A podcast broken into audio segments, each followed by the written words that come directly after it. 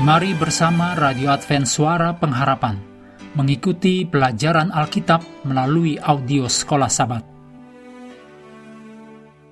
Selanjutnya kita masuk untuk pelajaran hari Minggu tanggal 25 September. Judulnya Ciptaan, sebuah ekspresi kasih. Mari kita mulai dengan doa singkat yang didasarkan dari Yeremia 20 ayat 12. Ya Tuhan semesta alam, yang menguji orang benar, yang melihat batin dan hati. Amin.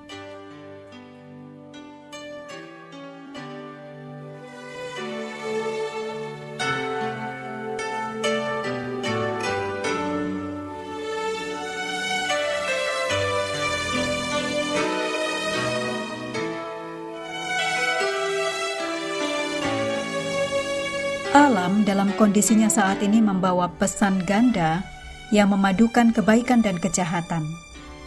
Semak mawar dapat menghasilkan mawar yang indah dan harum, tapi juga duri yang berbahaya dan menyakitkan. Seekor burung tukan dapat membuat kita terkesan dengan keindahannya, dan kemudian membuat kita cemas karena menyerang sarang burung lain dan memakan anak-anak burung mereka yang lemah. Bahkan manusia yang mampu berbuat baik pada suatu saat bisa menjadi jahat, penuh kebencian, bahkan kejam di saat berikutnya. Tidak heran jika dalam perumpamaan tentang gandum dan lalang, para pelayan bertanya kepada pemilik ladang, "Tuan, bukankah benih baik yang Tuan taburkan di ladang Tuan? Dari manakah lalang itu?" Dicatat dalam Matius 13 ayat 27. Dan pemiliknya menjawab, seorang musuh yang melakukannya. Dicatat dalam Matius 13 ayat 28. Demikian juga, Tuhan menciptakan alam semesta dengan sempurna, tetapi musuh mengotorinya dengan benih dosa yang misterius.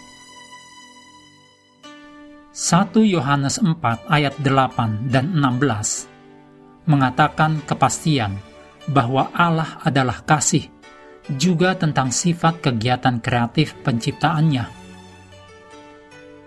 Ayat 4, Barang siapa tidak mengasihi, ia tidak mengenal Allah, sebab Allah adalah kasih. Ayat 16, Kita telah mengenal dan telah percaya akan kasih Allah kepada kita. Allah adalah kasih, dan barang siapa tetap berada di dalam kasih, ia tetap berada di dalam Allah dan Allah di dalam dia. Fakta bahwa Allah adalah kasih yang dicatat dalam 1 Yohanes 4 ayat 8 dan 16 menyampaikan setidaknya tiga maksud dasar.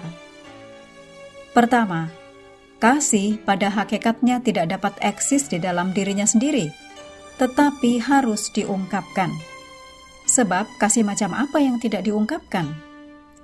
Kasih Allah dibagikan secara internal di antara tiga pribadi ketuhanan dan secara eksternal dalam hubungannya dengan semua ciptaannya. Kedua, semua yang Tuhan lakukan adalah ekspresi kasihnya yang tidak bersyarat dan tidak berubah.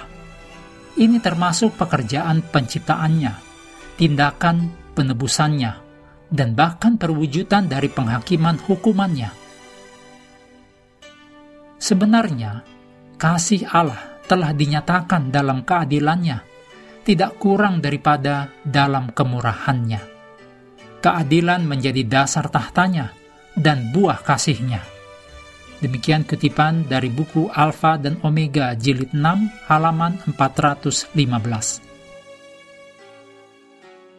Yang ketiga, karena Allah adalah kasih dan semua yang ia lakukan mengungkapkan kasihnya, Allah tidak dapat menjadi pencetus dosa yang bertentangan langsung dengan karakternya sendiri. Tetapi, apakah Tuhan benar-benar perlu menciptakan alam semesta? Dari perspektif kedaulatannya, seseorang dapat mengatakan tidak, karena itu adalah keputusannya yang bebas. Tetapi, dari perspektif sifat kasihnya, Allah menginginkan alam semesta sebagai sarana untuk mengekspresikan kasihnya.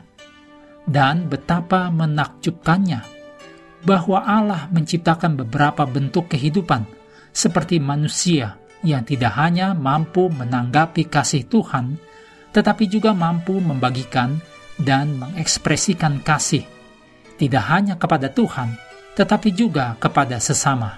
Markus 12 ayat 30 dan 31.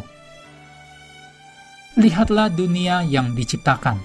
Lihatlah di dalamnya refleksi kasih Allah terlepas dari kerusakan akibat dosa. Juga, tariklah pelajaran tentang pengharapan dari ekspresi kasih Allah yang dinyatakan dalam ciptaan.